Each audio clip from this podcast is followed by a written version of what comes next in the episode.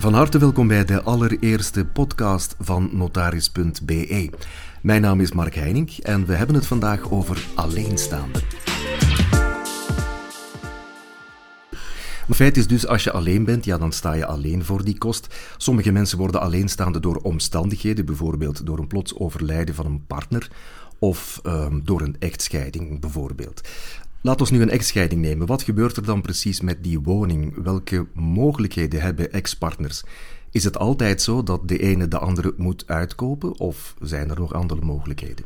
in de veronderstelling dat zij samen aangekocht hebben. Ja. Ja, ja vaak hangt het uh, natuurlijk af van hoe dat de partners het zien. Meestal hangt er toch een connotatie aan die woning. Uh, zijn ze niet geïnteresseerd om die over te nemen en zullen ze die uh, dus te koop stellen. Ja. Anderzijds kan het zijn, de kinderen zijn jong, de school is in de buurt, dat de partners toch overeenkomt. Het is in het belang van de kinderen dat een van ons beiden die woning dan inkoopt.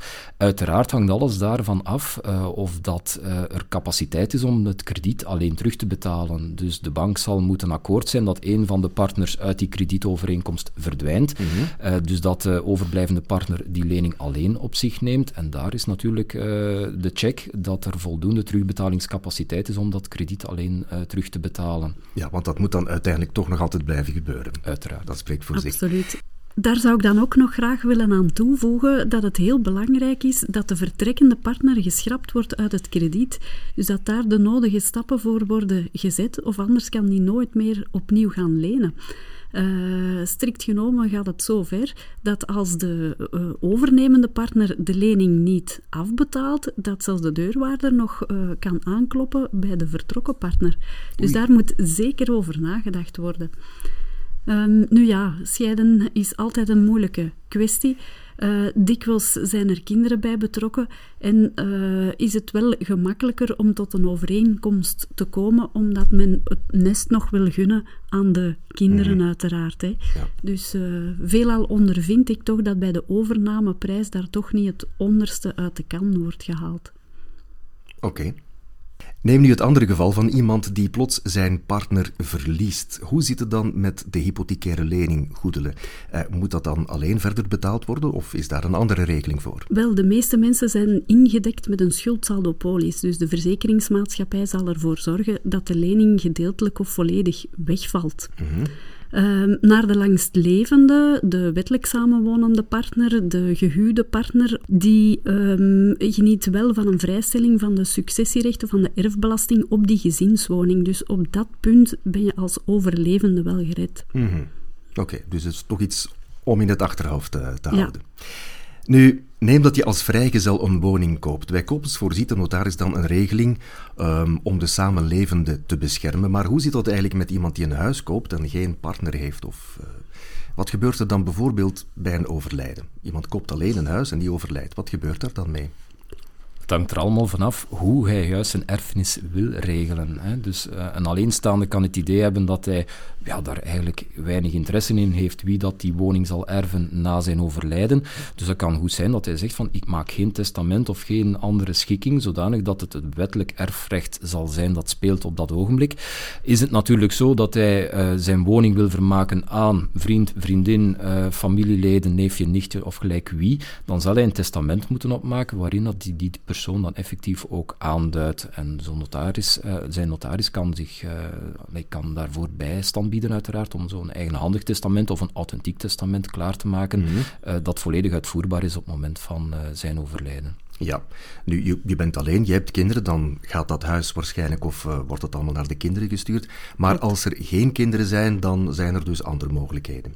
Klopt. En daar raden we dan aan dat er een testament opgemaakt wordt, een uiterste wilsbeschikking, waarin dan opgenomen wordt wie wat erft. Uh, niet alleen de woning, maar uiteraard mm. ook eventueel bankrekeningen of andere ja. bezittingen. Ja. Nu, heel veel mensen die blijven bewust vrijgezel of kinderloos, of omdat het bijvoorbeeld niet kan of zo. Voorziet de wet dan een omkadering voor hun erfenis? Of gaat er dan bij jullie dan in die situaties een belletje rinkelen en trekken jullie dan aan de alarmbel?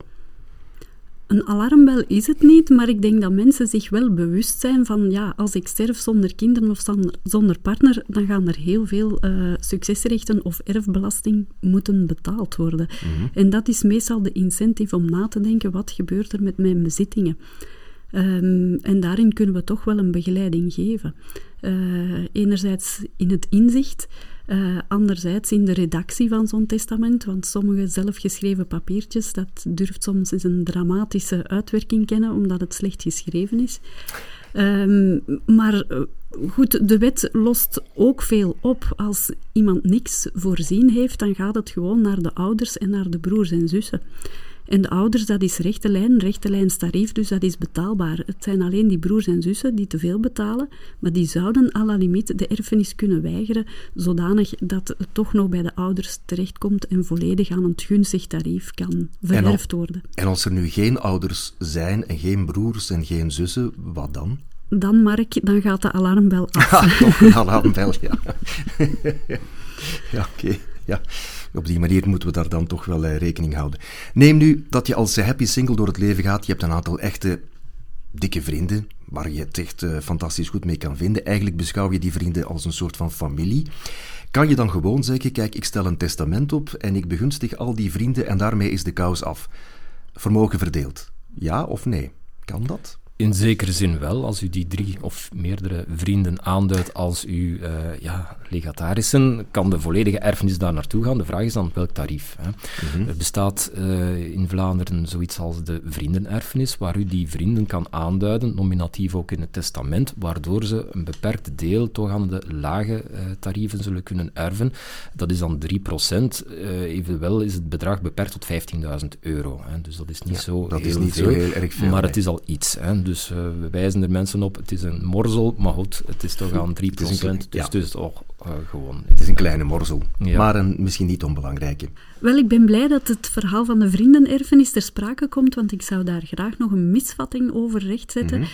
De, eh, het voordeeltarief is eigenlijk in zijn globaliteit voorzien op 15.000 euro. Dus je mag zoveel vrienden aanduiden in je testament als je wilt. Het is tezamen dat ze in aanmerking komen tot 15.000 euro om aan het 3% tarief de erfenis te genieten. Dus niet 15.000 euro aan vriend 1, nee. Maar in zijn globaliteit, in zijn uh, Zo is het maar. Klopt, ja. Um, een alternatief is nog te denken aan een goed doel. Hè. We zouden ze bijna vergeten. Mm. Maar uh, een VZW betaalt geen erfbelasting. Dus het loont zeker de moeite om uh, een goed doel te bedenken in je testament. Oké. Alvast uh, hartelijk dank voor jullie komst en de interessante weetjes, notaris Ingmar de Kegel en notaris Goedele van de Kerkhoven. En ook bedankt voor jullie om te luisteren. Tot volgende keer.